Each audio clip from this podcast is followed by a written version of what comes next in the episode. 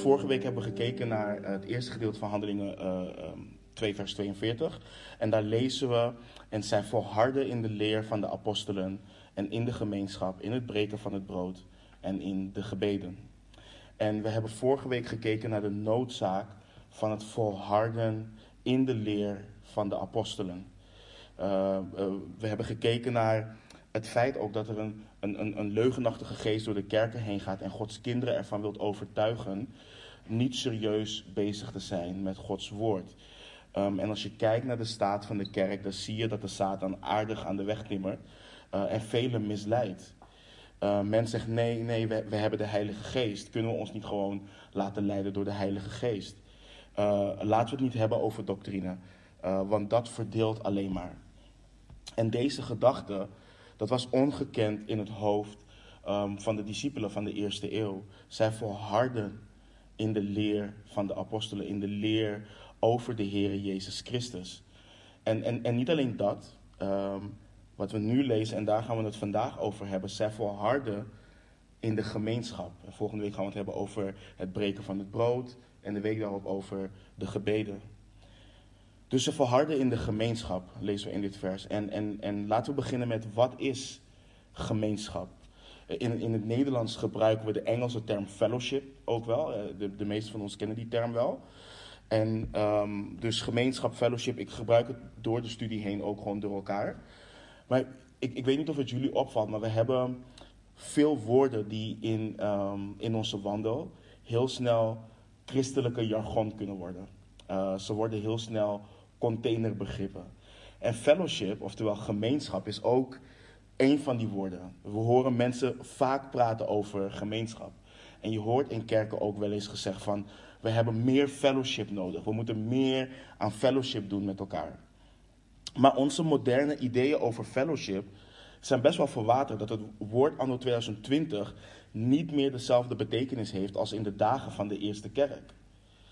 Kijk, tegenwoordig hebben we, kijk, wij hebben dat hier niet, want we komen samen in de school, maar je hebt uh, gemeentes die een eigen gebouw hebben. Hè, en daar hebben ze fellowship ruimtes.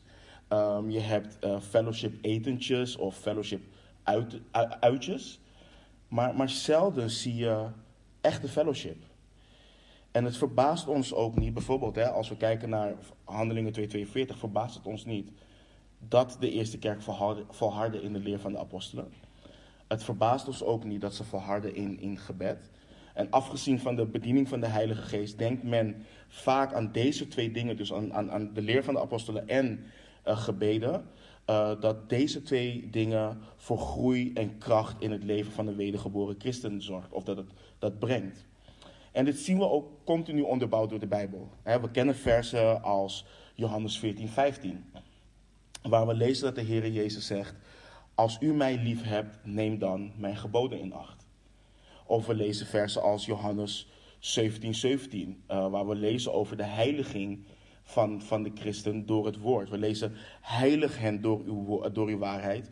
Uw woord is de waarheid. En deze versen alleen zijn al genoeg om ons te drijven tot het volharden in Gods woord. Om ons te verdiepen in de geboden van de Heer Jezus. Om ons te verdiepen in het woord van God wat de waarheid is. En daarnaast, daarnaast als het gaat over gebed, kennen we versen als Johannes 14, 13.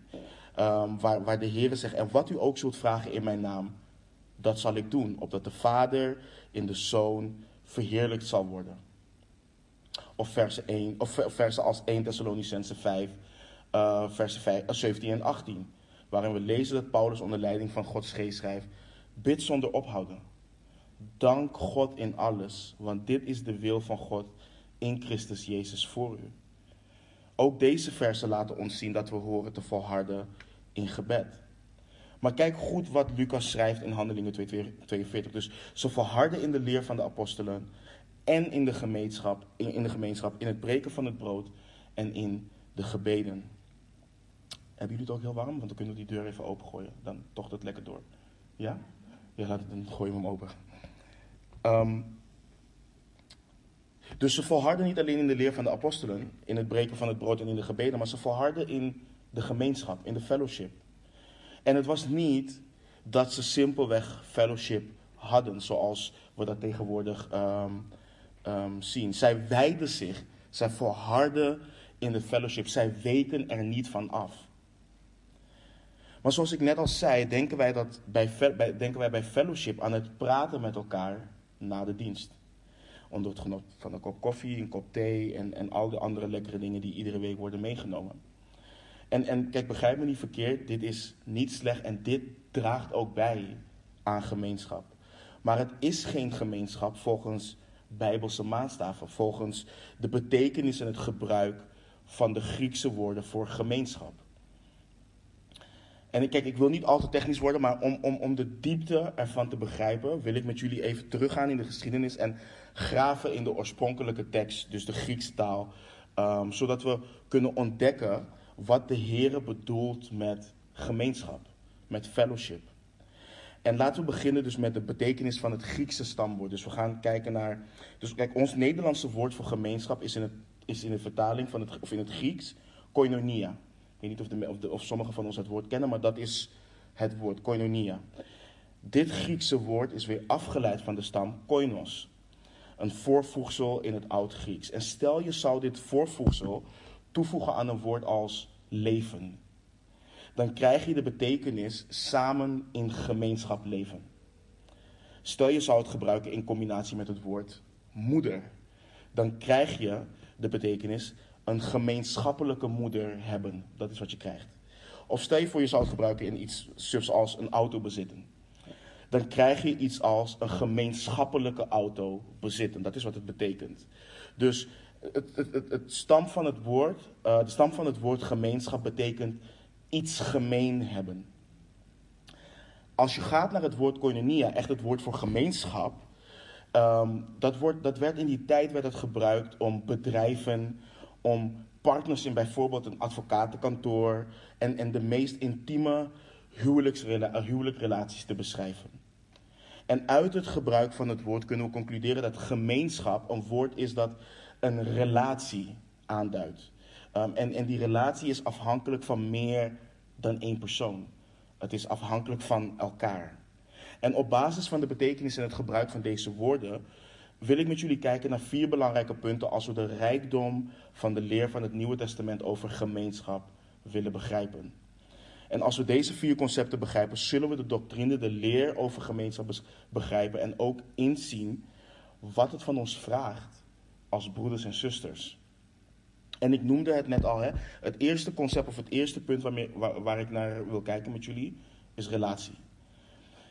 In het, in het Nieuwe Testament wordt wat gemeenschappelijk wordt gedeeld, al, al, allereerst wordt het gedeeld vanwege een gemeenschappelijke relatie die mensen hebben in Jezus Christus. En dit is dus iets fundamenteels. Het woord gemeenschap, dat moeten we ook goed beseffen, want um, Johannes en de apostel Paulus gebruiken dit woord veel. En het was, voor hun was het een belangrijk woord. Maar het werd nooit in de seculiere zin gebruikt. Het werd nooit op een wereldse manier gebruikt. Het heeft altijd een geestelijke basis en betekenis gehad. En het idee van gemeenschap gebaseerd bijvoorbeeld, wat we tegenwoordig zien, op gemeenschappelijke belangen, op de menselijke natuur, op uh, bloedbanden zoals uit een gezin, of uit überhaupt kerkelijke verbond. Dus dat twee mensen gewoon naar een kerk komen. Dat was in de ogen van de apostelen was dat vreemd, dat was ongekend. En, en wat we leren is dat gelovigen gemeenschap hebben en samen delen, omdat ze boven alles een relatie met Jezus Christus hebben en Hem gemeen hebben. We hebben dit bijvoorbeeld toen we door 1 Johannes gingen, hebben we dit behandeld. Waar Johannes in hoofdstuk 1, als je in je Bijbel naar 1 Johannes hoofdstuk 1 gaat, dan, dan hebben we, we hebben deze versen behandeld. Vanaf vers 1 lezen we dat Johannes schreef. Wat er was vanaf het begin, wat wij gehoord hebben, wat wij gezien hebben met onze ogen, wat wij aanschouwd hebben en onze handen getast hebben van het woord des leven, levens. Want het leven is geopenbaard en wij hebben het gezien en wij getuigen en verkondigen u het eeuwige leven dat bij de Vader was en aan ons is geopenbaard. En, en let op wat hij schrijft in vers 3. Wat wij gezien en gehoord hebben, verkondigen wij u, opdat ook u gemeenschap met ons hebt. En deze gemeenschap van ons is er ook met de Vader en met zijn Zoon, Jezus Christus. Dus 1 Johannes 1, versen 1 tot en met 3. En wat Johannes dus doet, is Johannes verkondigt al deze dingen, opdat er echt gemeenschap kan zijn. Opdat er echte fellowship kan zijn. Dus dat er echt een geestelijke relatie kan zijn. En, en daarmee zien we dat het niet het idee is van wat wij hebben van gemeenschap. Dus gemeenschap is in de eerste plaats is het een relatie en niet een activiteit. Dus soms komen we samen, ehm, of komen twee of drie broeders en zusters samen, zijn ze een hele dag samen, ehm, eh, koffie gedronken of wat dan ook, en dan zeggen we, hey, we hebben een hele goede fellowship gehad, we hebben een hele goede gemeenschap gehad. Maar in de basis is dat niet wat dit betekent. In de basis is het de relatie die we hebben met Christus, wat ons verbindt, wat gemeenschap brengt. Dus wat we dan zien als we teruggaan naar Handelingen 2:42, is dat de eerste kerk volhardde in de relatie. Zij wijden zich tot de onderlinge relatie. Ze weken daar niet van af. En het is belangrijk dat we dit begrijpen, want we horen als wedergeboren kinderen van de Heer bij elkaar, omdat we samen het gemeenschappelijke leven en de genade van Jezus Christus delen. En waarom is dit zo essentieel? Omdat, kijk, wanneer we begrijpen dat het Jezus Christus is die centraal staat, dan gaat gemeenschap daadwerkelijk leven. We gaan dan zien dat het samenkomen, het breken van het brood, het volharden in de gebeden, het volharden in de leer, dat het allemaal de eer en glorie is van onze Heer Jezus Christus. We gaan dan zien dat alles wat we gezamenlijk doen en alles wat we gezamenlijk zijn, niet voor onze eigen verheerlijking en ook niet voor onze eigen vervulling is, maar dat het ter verheerlijking is van onze God. En, en dat maakt ons eensgezind. We hebben dat woord al een paar keer gezien in handelingen. Eensgezindheid. En het zorgt ervoor dat we één van denken en één van voelen worden in de Heer. Dat zijn doel en plan voor ons als individuen, als kerk en voor de wereld, dat dat centraal staat. Want kijk, vaak wat we zien is, willen mensen dingen samen doen om eenheid binnen een gemeente te creëren. Dus die heeft een bediening, die heeft een bediening. De ene doet dit, de ander doet dat. Maar dat is niet wat de eenheid creëert. Wat de eenheid creëert is het feit dat de Heer Jezus Christus ons vrijgekocht heeft met zijn bloed. Dat Hij ons uit de duisternis heeft getrokken en in het licht heeft geplaatst. Dat God ons met Christus heeft opgewekt en ons met Hem in de hemelse gewesten heeft geplaatst. En dat het lam van God onze zonde heeft weggenomen. En dit is essentieel. Want wanneer we dit gaan begrijpen, dan gaan we ook niet als kerk tegen elkaar zeggen van... Hey, we hebben meer fellowship nodig. Um, kijk, niemand hoefde tegen de discipelen in Handelingen 2 te zeggen... Jullie hebben meer gemeenschap nodig, jullie hebben meer fellowship nodig. De Heilige Geest was over deze mensen gekomen en vormde een innerlijke eenheid. En het resultaat ervan was dat het zichtbaar tot uiting kwam in hetgeen wat zij deden. Bijvoorbeeld als we lezen in Handelingen 2, als we dat lezen vanaf vers 44, wat lezen we dan? En allen die geloofden waren bijeen en hadden alle dingen gemeenschappelijk. En zij verkochten hun bezittingen en eigendommen en verdeelden die onder allen, nadat ieder nodig had.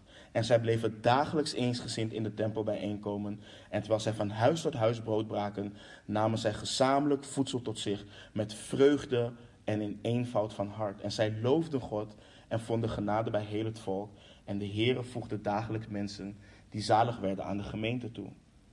Dus dit, dit wat hier gebeurt, ik zei het vorige keer al toen we dit hele gedeelte hadden behandeld. Dit komt niet door slimme strategieën of wat dan ook. Dit komt niet door alfa-cursussen en al dat soort dingen. Dit komt door de onderlinge relatie gecreëerd door Jezus Christus.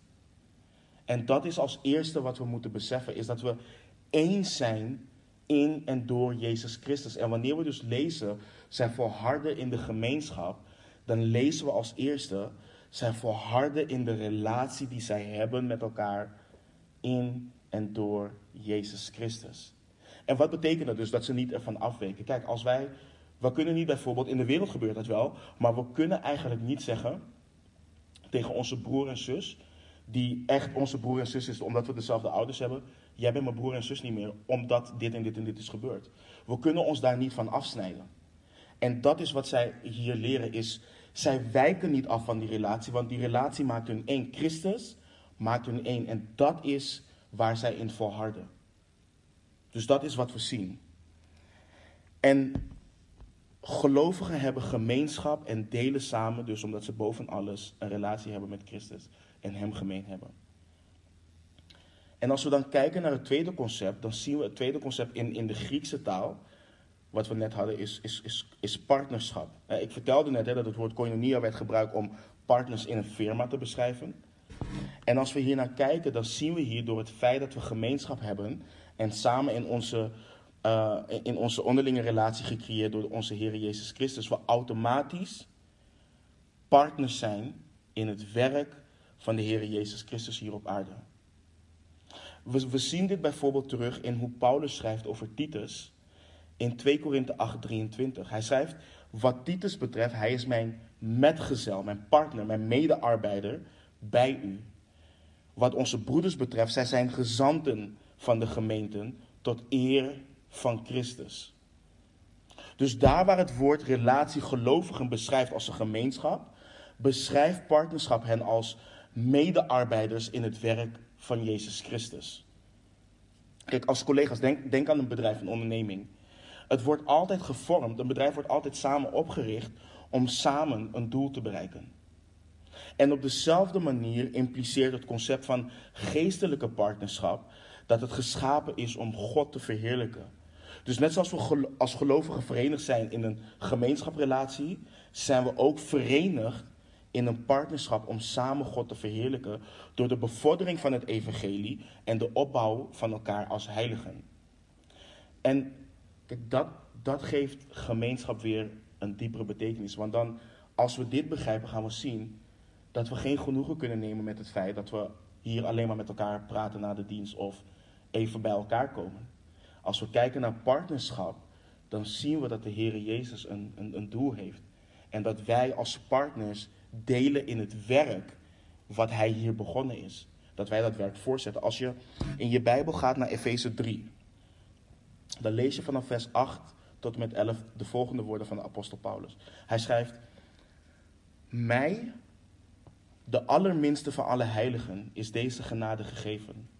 Om onder de heidenen door het evangelie de onnaspeurlijke rijkdom van Christus te verkondigen. En allen te verlichten, opdat zij mogen begrijpen wat de gemeenschap aan het geheimenis inhoudt, dat door de eeuwen heen verborgen is geweest in God, die alle dingen geschapen heeft door Jezus Christus.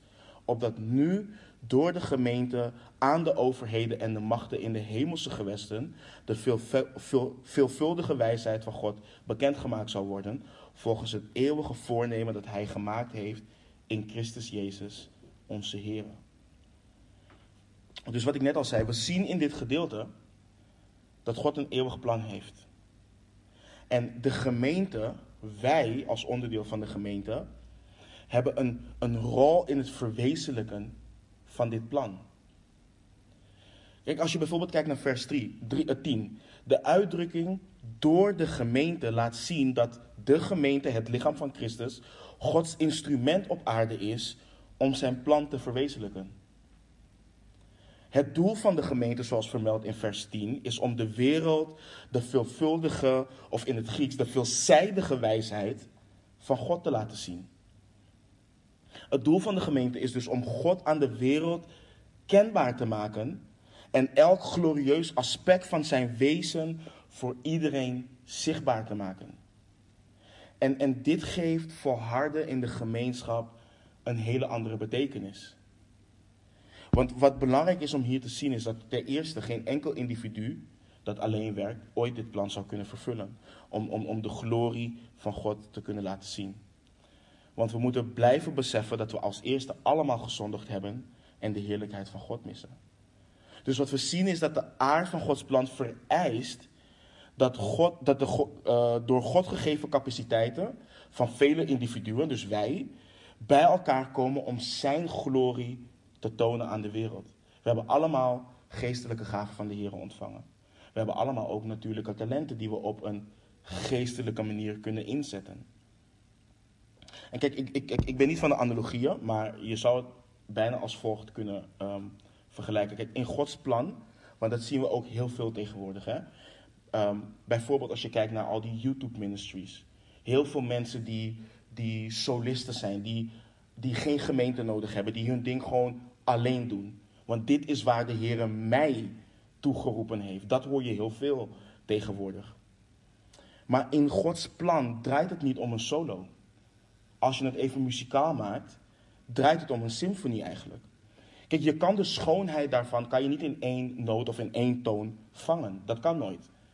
Alleen door een orkest wat samenspeelt, kan de prachtige harmonie daarvan volledig vastgelegd worden. En, en, en dat is wat Gods kerk is, als je, als je het even zo ehm, bekijkt. Het is, een, het is zijn orkest. En om de glorie van God te manifesteren, moet elk persoon niet alleen aan, aan zijn, zijn of haar eigen rol denken, maar juist aan het geheel. We horen samen te spelen. Dus in Gods symfonie, in zijn plan, is de score de Bijbel, die, die, die zijn zoon Jezus Christus openbaart.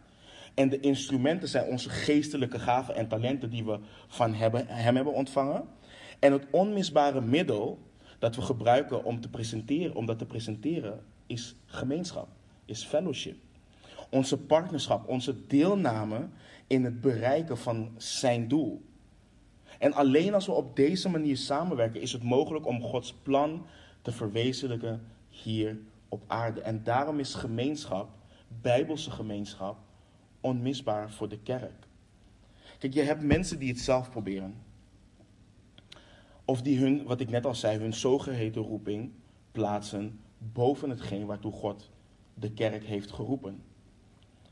En, en, en je ziet dit ook veel binnen gemeentes. Kijk, de een die legt een hele sterke nadruk bijvoorbeeld op kinderbediening. De ander die legt een hele sterke nadruk op vrouwen. De andere op, op mannen. De andere op, op, op ouderen. En de andere weer op muziek.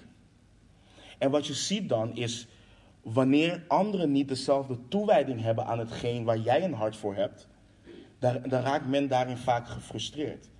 Want je focust heel erg op de roeping die God jou als individu hebt gegeven, of heeft gegeven. Maar het ding is dat God niet alleen wil dat zijn glorie aan de wees of aan de ouder of aan de man of door muziek wordt geopenbaard.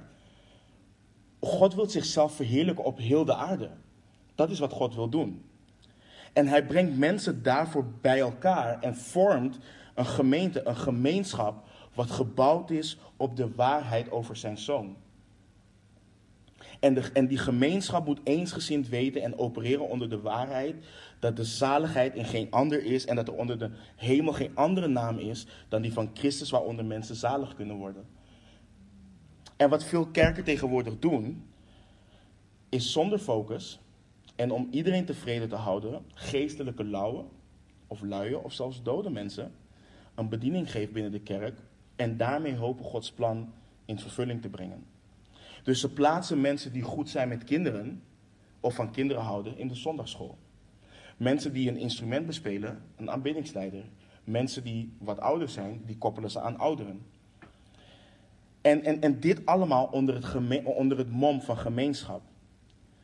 Maar ik kan niet vertellen hoe vaak ik heb gezien hoe mensen die uh, goed kunnen spreken en op straat gaan en evangeliseren, um, een Christus brengen die niet redden kunnen, die niet redden kan. Hoe vaak ik voormalige docenten die goed kunnen spreken of wat dan ook, um, voorgangers hebben gemaakt, maar Gods woord niet kunnen uitleggen. En, en, en hoe muzikale talenten weggevoerd zijn door hoogmoed en verschillende winden van leer. We zien tegenwoordig, ik, ik, in, in, in het afgelopen jaar zijn er, ik denk alleen um, hoogstaande of hele bekende aanbiddingsleiders, vier, zijn er van het geloof gevallen. Die aanbiddingsliederen zingen, of, uh, hebben geschreven, die in bijna alle gemeentes worden gezongen. Drie daarvan zijn van Hillsong. En wat gebeurt er? Deze mensen hadden een natuurlijk talent. Konden goed gitaar spelen, konden goed muziek maken of wat dan ook. En die zijn daar geplaatst omdat ze dat talent hadden. Maar die mensen zijn nooit gediscipeld. Ze hebben nooit volhard in de gemeenschap. Ze hebben nooit volhard in, in, in de gebeden. En wat krijg je dan? Je kan maar zoveel doen in je eigen vlees. En op een gegeven moment, dan, dan, dan, dan brand je op. En, en dan vallen mensen weg van het geloof. Terwijl ze nooit meegenomen zijn in de leer van de apostelen, in de gemeenschap, in het breken van het brood en in de gebeden. En kijk, daarom moeten we goed kijken naar wat betekent het om daadwerkelijk kerk te zijn en wat betekent het om daadwerkelijk te volharden in de gemeenschap. En wat ik bijvoorbeeld heb gezien is dat mensen die nooit van kinderen hielden, nu dienen in de kinderbediening en een hart van, van God hebben gekregen voor kinderen. En die kinderen daadwerkelijk willen brengen naar de Heer Jezus Christus. En mensen die, die, die geen muzikale talenten of ambities hadden, die opeens prachtig kunnen zingen, omdat de Heer hen dat gewoon gegeven heeft. En die mensen dienen met een nederig hart hun lokale gemeente. En het ding is dat we dit echt als een partnerschap moeten gaan zien, waarin Jezus Christus hoofd is van de gemeente en waarin Hij mensen verenigt en toerust om samen als partners in het evangelie van God Christus te verheerlijken in hun Jeruzalem, wij hier in Lelystad, in Judea, Samaria enzovoort. Dus het is belangrijk dat we dat heel goed zien. We hebben het dus over een relatie en we hebben het over een partnerschap. Maar het derde is ook wat we zien op basis van de Griekse woorden, is um, gezelschap of wat, wat, wat kameraadschap. Dat woord horen we tegenwoordig niet meer. Hè? We zijn kameraden van elkaar, kameraadschap. Um, en wat essentieel is binnen, binnen, binnen gezelschap of kameraadschap is communicatie. Het delen van gevoelens, het delen van ideeën, informatie en behoeftes. In de christelijke gemeenschap omvat het gezelschap um, het communiceren op een geestelijk niveau door het wederzijds delen in de dingen van Christus. Het woord, de vervulling met de Heilige Geest en de bedieningen en de, en de gaven van verschillende leden binnen het lichaam van Christus. En kijk, dit gaat niet primair over het communiceren over de laatste nieuwtjes, over koetjes en kaltjes en noem maar op. En, en begrijp me niet verkeerd, ik zeg het gaat niet primair hierover. Dus dit houdt niet in dat christenen niet over het laatste nieuws kunnen hebben en niet over koetjes en kalfjes kunnen hebben en noem maar op. Maar primair gaat het gezelschap of kameraadschap over het communiceren op geestelijk niveau over de dingen die betrekking hebben op Gods koninkrijk. En dit krijgt op verschillende manieren vorm. En het is niet dat je kiest voor een van de volgende vormen die ik ga opnoemen. Het krijgt op al deze verschillende manieren vorm. En één ding wat belangrijk is dus in gezelschap, is dat we A, wat we nu doen, samen moeten komen als lokale gemeenschap in zijn geheel. Dat is ook wat we zien gebeuren in Handelingen 2. Eensgezind bijeenkomen in de tempel. Of wat de schrijver van Hebreeën schrijft in Hebreeën 10:25. Laten wij de onderlinge bijeenkomst niet nalaten zoals, bij, zoals het bij sommigen de gewoonte is, maar elkaar aansporen. En dat zoveel te meer als u de grote dag ziet naderen. Nou, ik, ik weet niet, ik kijk om me heen en ik zie die grote dag echt naderen. De wereld staat in brand, ik zei het vorige week ook al. En we zien die grote dag naderen. Dus het samenkomen als lichaam in zijn geheel is belangrijk, het is essentieel. En het is niet, we komen samen om de stoelen te vullen en om kerkje te spelen. Nee, we komen samen om te volharden in de gemeenschap, maar ook in het volharden in, in, in, in, in de leer van de apostelen. En als we samenkomen, dan delen we gevoelens, ideeën, uh, informatie, behoeften, dingen waar we tegenaan lopen. Uh, die delen we met elkaar. Dus het is, samen dat we, het is belangrijk dat we samenkomen als lokale gemeenschap in zijn geheel. Maar het is ook belangrijk dat we samenkomen in kleine groepen. Kijk hoe ze van huis tot huis brood braken. Kijk, het is niet alsof 3120 man in één huis samen konden komen. We lazen, hè, 3000 man werd toegevoegd in één keer op Pinksteren aan de gemeente. En wat ze deden, ze kwamen in kleinere settings samen, zodat er, een, zodat er intiem gezelschap kon plaatsvinden. Dat is ook wat we vaak zien op de woensdag. Uh, de samenkomst is wat intiemer op de woensdag. We zitten in een kring samen en iedereen deelt met elkaar dingen waar ze tegenaan lopen of dingen die de heren, uh, tegen hen heeft gesproken. Of wanneer we spontaan met een paar broeders en zusters buiten de woensdag samenkomen. Hoe je op een intieme manier met gevoelens, ideeën, informatie en noem maar op met elkaar kunnen delen. En het is belangrijk, kijk, het is belangrijk dat we niet samenkomen alleen op de gezette tijden van de gemeente. Dus we hebben als gemeente hebben we gewoon de zondag samenkomst, we hebben de woensdag samenkomst, we hebben de dinsdag samenkomst.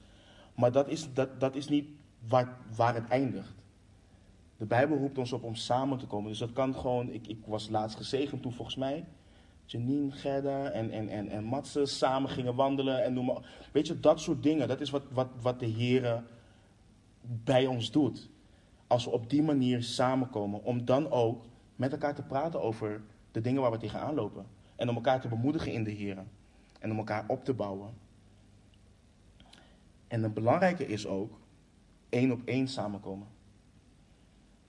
Het is belangrijk en essentieel om op individueel niveau met elkaar samen te komen. Dus gewoon met elkaar af te spreken. Een rondje te gaan wandelen. Uh, met elkaar en, en de diepte in te gaan. En wat ik prachtig vind is dat de eenheid die we in Christus hebben zo bevrijdend is dat ik mijn persoonlijke worstelingen met welke broeders of zusters dan ook kan delen.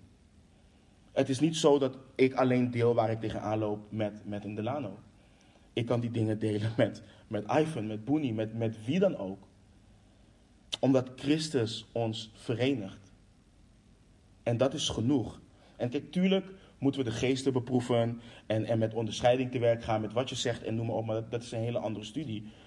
Maar Paulus schrijft bijvoorbeeld in, in 1 Thessalonicense 5 vers 11, bemoedig elkaar daarom en bouw de een de ander op, zoals u trouwens al doet.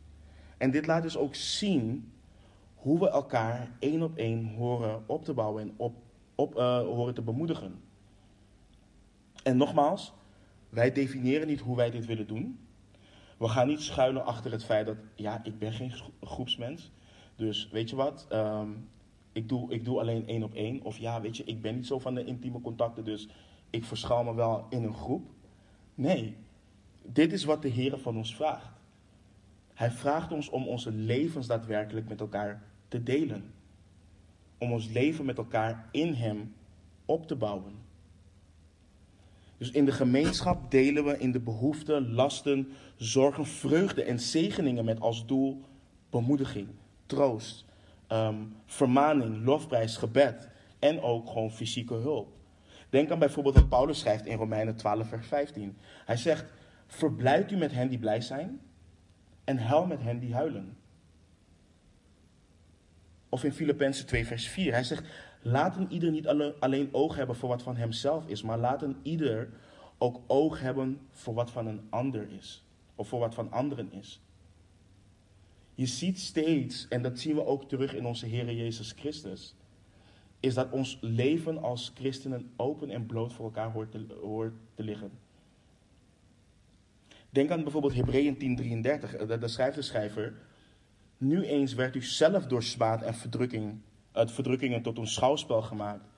Dan weer deelde u het lot van hen die zo behandeld werden. En dit betekent dat we in de gemeenschap open met elkaar moeten communiceren. En we moeten dit leren doen. We moeten bereid zijn om onze lasten, om onze worstelingen, maar ook onze verlangens met elkaar te delen en openstaan om te horen wat, de andere, uh, wat anderen te zeggen hebben, zodat we kunnen voorzien in elkaars behoeften, zoals het woord ons opdraagt. Weet je, heel vaak, um, ik, ik hoor dat vaak, hè, je zegt van, uh, mensen zeggen, um, de Heer Jezus zegt toch, er, er, ligt leven of dood op, op de tong van een persoon. En wat we dan daarmee zeggen is dan, Weet je, ik, ik, ik, ik deel dit niet, wat de Heer mij heeft gegeven, deel ik niet met de ander, opdat de vijand het niet kan grijpen. Of opdat iemand niet uh, met zijn negativiteit um, um, um, um, verdoemenis daarover spreekt. Maar dat is niet bijbels. De Bijbel leert ons dat niet. De Bijbel leert ons om dingen met elkaar te delen, zodat we ook voor elkaar kunnen bidden. En, en, en kunnen vragen van Heer, is dit daadwerkelijk wat u voor die persoon heeft? En als u dit heeft, laat die persoon zien hoe die persoon daar naartoe kan komen. En, en, en dat zijn dingen waar we, waar we van af moeten komen in onze, onze cultuur en onze maatschappij. We moeten echt gaan kijken naar wat de Bijbel zegt over gemeenschap en over het delen. We kunnen dit niet alleen, we hebben elkaar daar echt voor, voor nodig. Dus we hebben relatie, we hebben partnerschap en gezelschap, kameraadschap. En het laatste principe wat we halen uit deze uh, Griekse woorden is ook rentmeesterschap. Een rentmeester is iemand die het eigendom van een ander beheert. Dus een, rent, een rentmeester is geen eigenaar. Hij is een beheerder. En als rentmeesters moeten we erkennen dat alles wat we hebben van de Heer is en aan ons gegeven is uit vertrouwen van God om het te gebruiken voor Zijn wil en voor Zijn glorie. En dat leert ons dat we als gelovigen bereid moeten zijn om, om, om dingen met elkaar te delen ter bevordering van het evangelie. En om de mensen om ons heen in nood te helpen. Kijk, goed rentmeesterschap komt voort uit het erkennen van onze relatie met de Heer Jezus Christus. Maar het betekent ook dat we ons partnerschap in het werk van Christus hier op aarde moeten erkennen. En Kijk, ik wil nog even het volgende benadrukken hierover. Met rentmeesterschap en het delen van onze bijvoorbeeld bezittingen met elkaar, zeg ik niet dat als je een goede baan hebt, een goed salaris hebt, dat je je geld beschikbaar moet stellen, zodat je broeders en zusters een dikke auto kunnen rijden. Of dat ze een tv van zoveel inch kunnen aanschaffen of wat dan ook. Ik heb het over delen in geestelijke zin van het woord. En het is interessant om te weten dat deze Griekse woorden voor gemeenschap vaak worden gebruikt in relatie tot het delen van materiële zegeningen. En nogmaals, in de geestelijke zin van het woord. Kijk bijvoorbeeld naar Romeinen 12, 13. Daar staat, wees deelgenoot in de noden van de heiligen. Leg u toe op de gastvrijheid. Of Hebreeën 13, 16. En vergeet het weldoen en het onderlinge hulpbetoon niet, want aan zulke offers heeft God een welgevallen. Hebreeën 13, 16. Of in 1 Timotheus 6, versen 17 en 18. Beveel de rijken in deze tegenwoordige wereld dat zij niet hoogmoedig moeten zijn. Of dat zij niet hoogmoedig zijn en hun hoop niet gevestigd houden op de onzekerheid van de rijkdom, maar op de levende God die ons alle dingen in rijke mate verschaft om ervan te genieten, ook om goed te doen, rijk te zijn in goede werken, vrijgevig te zijn en bereid om samen te delen. En dat is wat we ook bijvoorbeeld lezen. Hoop dat we daarin eh, binnenkort, ik weet niet hoe lang het nog gaat duren. Maar wanneer we in Handelingen 4 vanaf vers 32 terugzien, daar lezen we. En de menigte van hen die geloofden, was één van hart en één van ziel. En niemand zei dat iets, wat, dat iets van wat hij bezat van hemzelf was. Maar alles hadden zij gemeenschappelijk. En de apostelen legden met grote kracht getuigenis af van de opstanding van de Heer Jezus. En er was grote genade over hen allen. Want er was ook niemand onder hen die gebrek leed. Want allen die landerijen of huizen bezaten, verkochten die en brachten de opbrengst van het verkochte en legden die aan de voeten van de apostelen. En aan ieder werd uitgedeeld nadat men nodig had. En kijk, mij gaat het niet specifiek om het verkopen van landerijen en huizen. Het gaat erom dat de menigte één van hart en één van ziel was.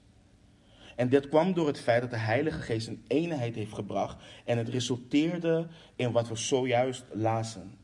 En ik benadruk dit omdat je hebt mensen die dit soort teksten misbruiken om mensen te zeggen en mensen te manipuleren om alles wat ze hebben te verkopen en dat aan de voorgangers of de andere oudsten binnen de gemeente te geven. En dat is niet wat de tekst ons leert. De tekst leert ons dit niet. De tekst leert ons juist dat hun geloof in Christus hun een van denken en een van ziel maakte. En wanneer dit zo is, ehm, dan, dan uit het zich in het delen van elkaar, of het dragen van elkaars lasten.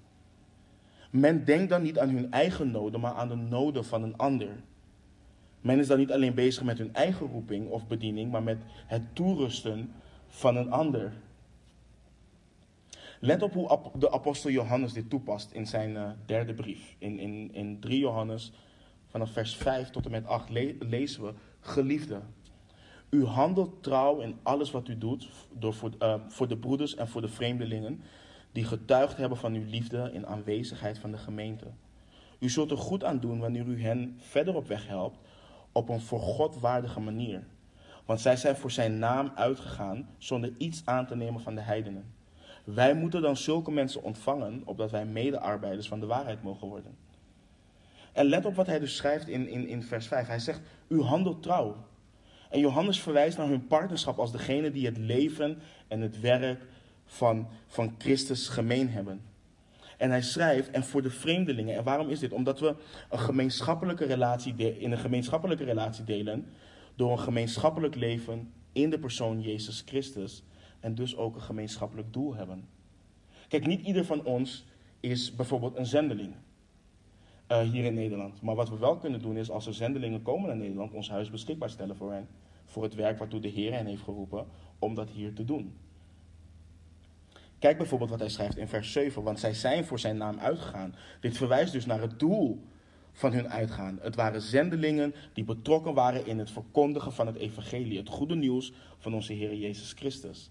En dit is het doel die we als christenen allemaal gemeen zouden moeten hebben. Ze weigerden, en, en wat zie je, ze weigerden enige steun van ongelovigen te accepteren. Waarom? Omdat er geen gemeenschappelijke relatie in Jezus Christus is. Ze waren geen partners samen in het werk van Christus. Dus een heiden bijvoorbeeld. Iemand vroeg mij ooit, ehm, eh, iemand die heel dicht bij ons staat, ehm, is ongelovig, ehm, maar ze speelt fantastisch gitaar en ze zingt prachtig. Ze zingt, zoals we zeggen, de sterren van de hemel. En, en iemand zei tegen mij, maar hey, kan zij dan niet bij jullie in de kerk dan komen zingen voor jullie? Nee, want ze deelt niet in de relatie die wij hebben in Christus. Ze deelt niet in het gemeenschappelijke doel. Dus het is niet van, oh je komt hier zingen omdat je kan zingen. Nee, we delen in een gemeenschappelijk doel. En dat zijn dan de dingen die we met elkaar gemeen hebben. En dat is ook waarom een heiden niet kan dienen binnen een gemeente of ook niet kan bijdragen aan het werk van de gemeente. Want wat, wat de Heer doet, is zijn koninkrijk hier op aarde vestigen om, om mensen tot geloof te brengen. En een heiden werkt daar niet aan mee.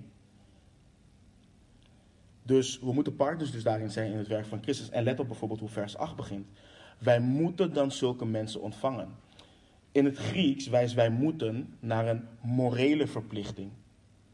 We zijn het hen schuldig, schrijft Johannes. We zijn het hen verplicht. En waarom? Het einde van vers 8 leert ons. Opdat wij medearbeiders van de waarheid mogen worden. Dus we zien vier belangrijke principes um, in gemeenschap naar elkaar toe. We zien relatie, partnerschap, gezelschap en rentmeesterschap. Maar zoals ik eerder al zei, mogen we het nooit uit oog verliezen dat de basis wat dit allemaal mogelijk maakt, onze persoonlijke relatie met de Heer Jezus Christus is. Het is onze persoonlijke toewijding aan de Heer wat de gemeenschap met elkaar vormt. Wanneer we leven en wandelen naar de geest.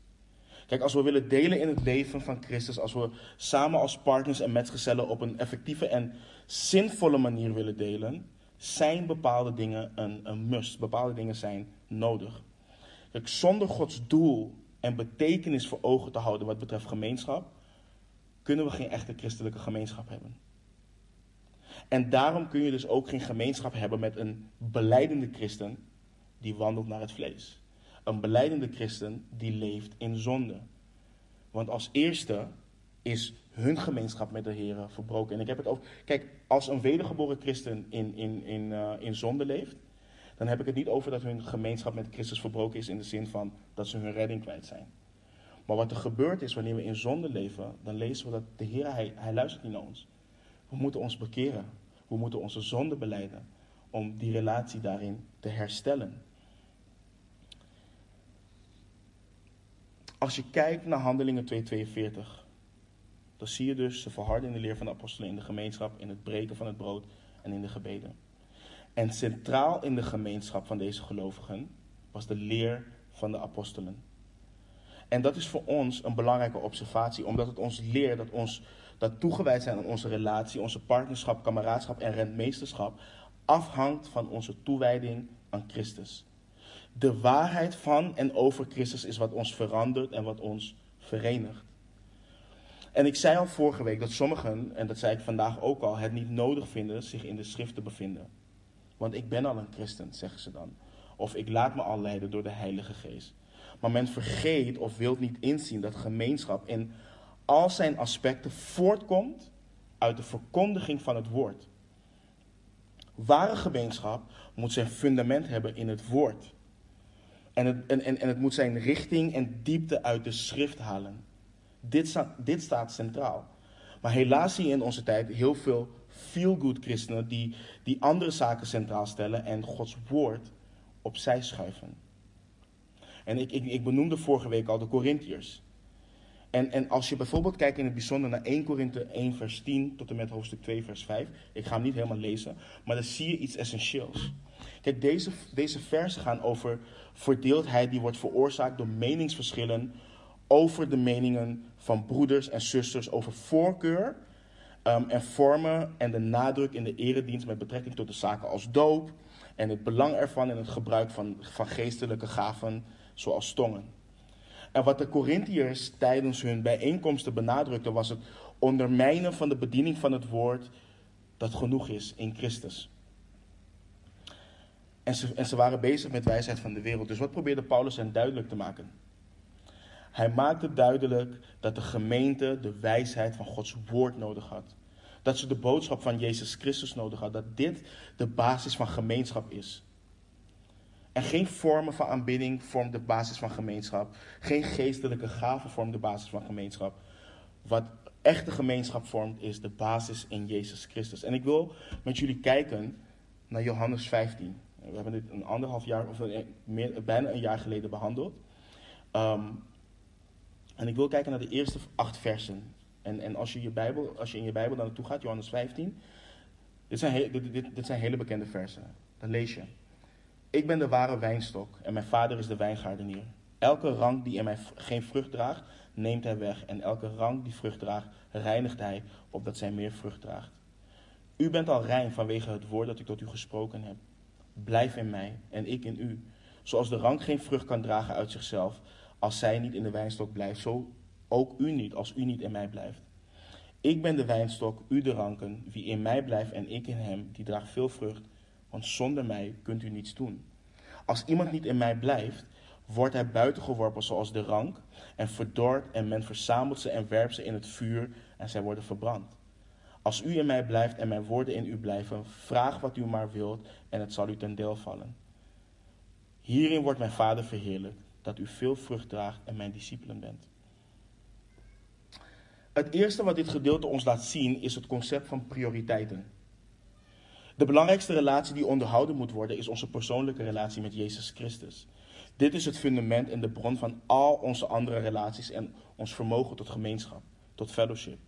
En om deze waarheid te zetten, uh, bij te zetten, gebruikte de Heer de analogie van de wijnstok en de ranken. Een analogie die de discipelen in hun tijd niet onbekend waren vanwege hun cultuur. En wat we ook leren is dat hoewel God heeft voorzien in alles wat we nodig hebben voor gemeenschap, in al zijn aspecten moeten we ook moeten we ons die gemeenschap eigen maken door in Christus te blijven. We hebben de verantwoordelijkheid om te handelen naar ons nieuw leven in Christus. En ik wil vanuit dit schriftgedeelte met jullie drie manieren tackelen waarop mensen gemeenschap zoeken met God en het christelijk leven proberen te leiden. En, en ik wil jullie behoeden hiervoor. Ik heb mezelf hier gaan schuldig gemaakt. Dus, dus voor mij was dit gewoon echt een eye-opener. De eerste manier wat mensen doen om hun eigen relatie um, um, staande te houden is door eigen vermogen, eigen inspanning en eigen wilskracht. Maar we lezen in de tekst dat de Heer Jezus zegt: Zonder mij kunt u niets, kunt u niets doen. En alhoewel we de verantwoordelijkheid hebben om te wandelen in de Heer en ijverig voor Hem horen te arbeiden, moeten we beseffen dat we dat niet kunnen doen in onze eigen kracht. We hebben niet het vermogen om in het vlees iets geestelijks te bewerkstelligen. In Romeinen 8 leert het ons zo: werken uit het vlees kan God niet behagen. Dus we kunnen niets vanuit onszelf. Dus we moeten in Christus blijven. Het tweede, wat, wat waar heel veel beleidende christenen zich schuldig aan maken, is helemaal niets doen en het volledig aan God overlaten. Dat is ook iets wat we in christelijke wandels zien. Maar wat we lezen is dat de Heer zegt in vers 4: Blijf in mij. Dit betekent dat we de verantwoordelijkheid hebben om in Hem te blijven. Om van Hem afhankelijk te zijn, om de dingen te doen die we moeten doen om in Hem te blijven. En wat we zien tegenwoordig is heel veel. Weet je, als God wil dat ik dat doe, dan moet Hij maar een briefje uit de hemel laten vallen en dan wordt het mij duidelijk dat ik dat moet doen. Of als ik hier naartoe moet, dan maakt God het duidelijk. Maar we lezen, blijf in mij. Wij moeten Hem ook actief zoeken. Wij moeten actief met Hem bezig zijn. En het derde wat we hebben, waarin mensen het proberen en waarin mensen ook falen, is. En ik heb me hier zo vaak schuldig aan gemaakt. Heer, help me om dit te doen. Dus deels eigen kracht en deel kracht van God. En in deze benadering is er een veronderstelling, onbewust misschien, maar nog steeds heel reëel, dat men een capaciteit heeft van eigen goedheid, van eigen wijsheid en van eigen geestelijke kracht wat in hun karakter zit. En met die eigen capaciteit komen ze wel tot een bepaald punt. En wanneer ze, tot, uh, wanneer ze een deur raken, dan is het: Heer, ik heb, uw, ik heb uw hulp nodig. Ik kan, het niet meer, ik kan het niet meer zelf. En we moeten hiervoor waken. Want er is maar één manier. Is maar één manier wat leidt tot echte gemeenschap. Wat de Heer doet, is ons de noodzaak laten zien om de relatie met Hem te onderhouden voor vruchtbaarheid. Dat we meer en meer vrucht gaan dragen in ons leven, zodat God verheerlijk wordt in het leven van de wedergeboren discipel. Dus het betekent in gemeenschap blijven met Hem. Het houdt in dat we al, alle vertrouwen in ons eigen kunnen, ons eigen wijsheid en onze eigen kracht moeten opgeven. Het betekent dat we volledig naar Christus kijken voor onze bron, of als onze bron, voor ons kunnen, voor onze wijsheid en voor onze kracht. En het leert ons dat we in Christus moeten blijven, aan de, dat, dat in Christus blijven aan de ene, kant houdt, uh, inhoudt dat er geen bewuste zonde in ons leven is. Dat we geen interesse en tijd steken in dingen waar Hij geen interesse in heeft. Dat we geen leven leiden waarin Hij niet kan delen. En als we dat niet doen, dan zal dit ook niet resulteren in gemeenschap met anderen. Want wat ik al eerder zei, onze relatie met de Heer is de basis van onze relatie met elkaar. En begrijp me ook niet verkeerd. Wanneer ik zeg dat we boven alles eerst aan onze persoonlijke relatie moeten werken met de Heer, houd dit niet in. Oké, ik zonder me af en wanneer ik op een bepaald niveau ben gekomen, dan kom ik wel. Dan kom ik wel samen.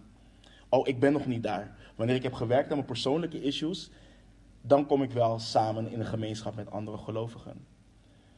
En we moeten beseffen dat gemeenschap met broeders en zusters geen geestelijke luxe is. Het is geen optionele toevoeging. Het is essentieel dat we begrijpen dat de vorm van gemeenschap, wat de Bijbel schetst, noodzakelijk is. We zijn niet gemaakt om loners te zijn. Onze relatie met elkaar voedt onze persoonlijke, met de rela eh, onze persoonlijke relatie met de Heer ook. Het brengt een verdieping en verrijking in ons persoonlijke en eigen toewijding aan de Heer. Maar voor de maatschappij en cultuur waarin wij leven is dat iets moeilijks om te begrijpen. We hadden het afgelopen woensdag tijdens de samenkomst ook hierover. Dat we moeten waken voor invloeden van de cultuur en de invloeden van de maatschappij.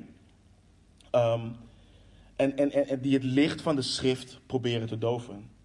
En we worden, en dat is, dat is echt heel zorgwekkend, we worden beïnvloed door een aantal krachten van de, van de duisternis van deze wereld, die als onderdeel van de New Age beweging en de strategieën van de Satan voor de laatste dagen een hele negatieve invloed hebben op bijbelse gemeenschap. Op gemeenschap zoals God het wil. En een van deze gedachten, een van deze krachten is relativisme. Um, het relativisme beweert dat er geen absolute waarheid is. Um, dat er geen absolute waarheid be uh, bestaat wat betreft goed of kwaad, of normen of waarden en prioriteiten. En, en, en dit is precies waar de profeet Jesaja het volk Israël voor waarschuwde. Hij schreef in Jesaja 25, vers, 1 en, vers uh, 20 en 21. Wee hun die het kwade goed noemen en het goede kwaad. Die duisternis voorstellen als licht en licht als duisternis. Die bitter voorstellen als zoet en zoet als bitter. Wee hun die in hun eigen ogen wijs zijn en naar hun eigen mening verstandig. En wat we tegenwoordig zien is, we kunnen tegen, tegenwoordig niet meer tegen elkaar zeggen, dit is wat het woord zegt. Dit is wat de waarheid is. Want we zien tegenwoordig in fellowship dat dit gemeenschap in de weg staat. Het staat het in de weg in plaats van het bevorderen. Nee, maar wie ben jij om mij te komen zeggen dat dit de waarheid is? Zelfs onder christenen zien we dit. Dus het relativisme is iets waar we voor moeten waken als broeders en zusters onderling. Als we vanuit de schrift praten, moeten we kijken naar wat de schrift zegt en niet wat onze mening of wat onze gevoelens zeggen. Een andere gedachte, wat gemeenschap in de weg staat, is um, het recht hebben op privacy. En dit gaat vaak hand in hand met relativisme. En het recht hebben op privacy gaat uit van wat ik geloof en wat ik doe is mijn zaak.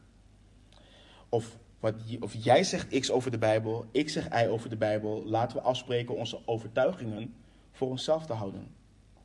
Maar men beseft niet dat het het probleem doorwerkt in het feit dat deze invloed uh, zelfs het privéleven van de kerk in haar gemeenschap beïnvloedt.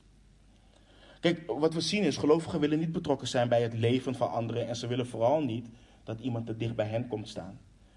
En dit is gevaarlijk, want dit is niet wat we terugzien in het leven van de kerk in de Bijbel. Dus, kijk, het recht op privacy en alone time, en begrijp me niet verkeerd, dit wil niet zeggen dat er geen plaats is voor privacy en alone time in het, christelijk leven.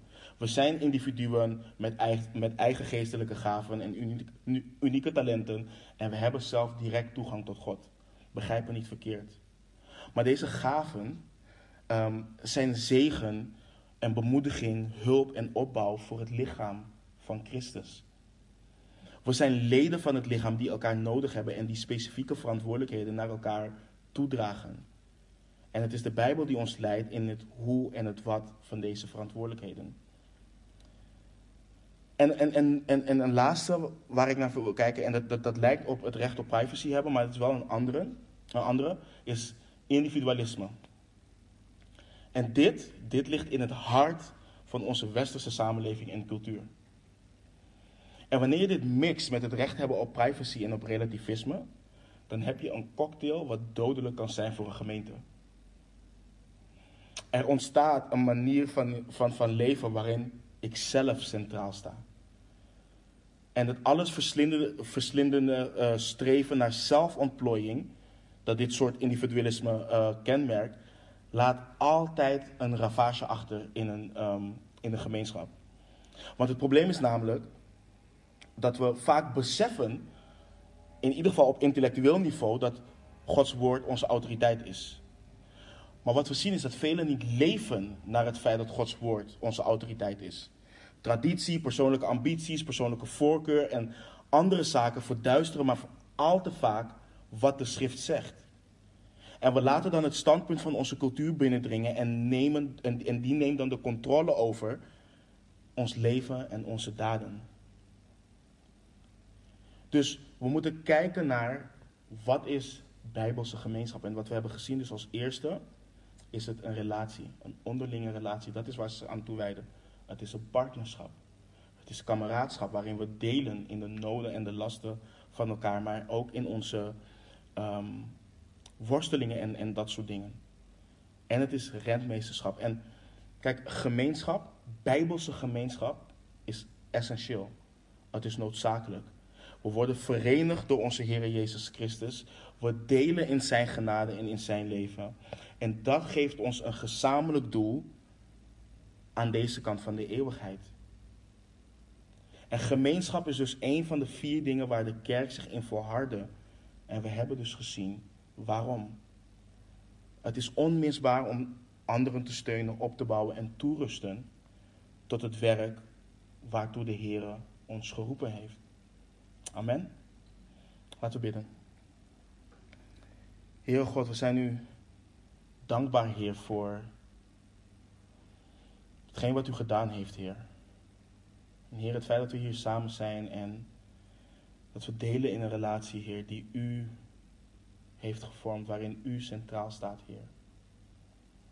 En ik dank u voor de woorden die u, de, uh, die u um, Lucas hebt laten opschrijven, Heer. En dat wij hiervan mogen leren en dat uw geest deze woorden neemt en toepast in ons leven. En ik bid, Heer, dat we echt zullen kijken naar uw woord en dat we echt zullen kijken naar onze Heer Jezus Christus, naar hoe Hij zijn leven deelde met anderen en dat wij daarvan kunnen leren. En dat we op een bijbelse manier gaan en blijven kijken naar wat gemeenschap is. Dat het, dat het de eer en glorie uh, van uw naam zal zijn. Dus help ons om daarnaar te handelen. Help ons om daar naar te kijken. Help ons om, of, of, vorm ons leven um, naar deze waarheid, Heer. En help ons om elkaar op te bouwen. Leer ons om elkaar op te bouwen en om ons leven te delen met elkaar. En daar waar wij nog onze eigen gedachten hebben over, over fellowship, over gemeenschap, dat we het misschien wel alleen kunnen. Of dat we zelf centraal staan. En Heer, soms zijn we beschadigd en, en, en, en zijn deze gedachten erin geslopen. Uh, dan zijn we beschadigd door een gemeente of door broeders en zusters en zijn we bang om ons leven met elkaar te delen. Maar ik bid, Heer, dat we onze ogen gericht op U mogen houden en dat, ja, dat U ons leert, Heer, dat we elkaar kunnen liefhebben, horen lief te hebben en elkaar mogen liefhebben. Omdat wanneer we onze ogen gericht houden op U, Heer, dat, dan, dan komt daaruit liefde voort. En Heer, ik dank u voor deze gemeente, uh, gemeente. Ik dank u voor de gemeenschap die wij met elkaar hebben. En ik bid, Heer, dat wij als gemeente, Heer, zeker in deze moeilijke en uitdagende tijden, en we weten niet waar het naartoe gaat, Heer. We weten eigenlijk wel wat de Bijbel zegt over waar het naartoe gaat, maar Heer, dat u ons leert om echt te volharden, om ons toe te wijden aan de relatie. Nogmaals met het doel om u te verheerlijken.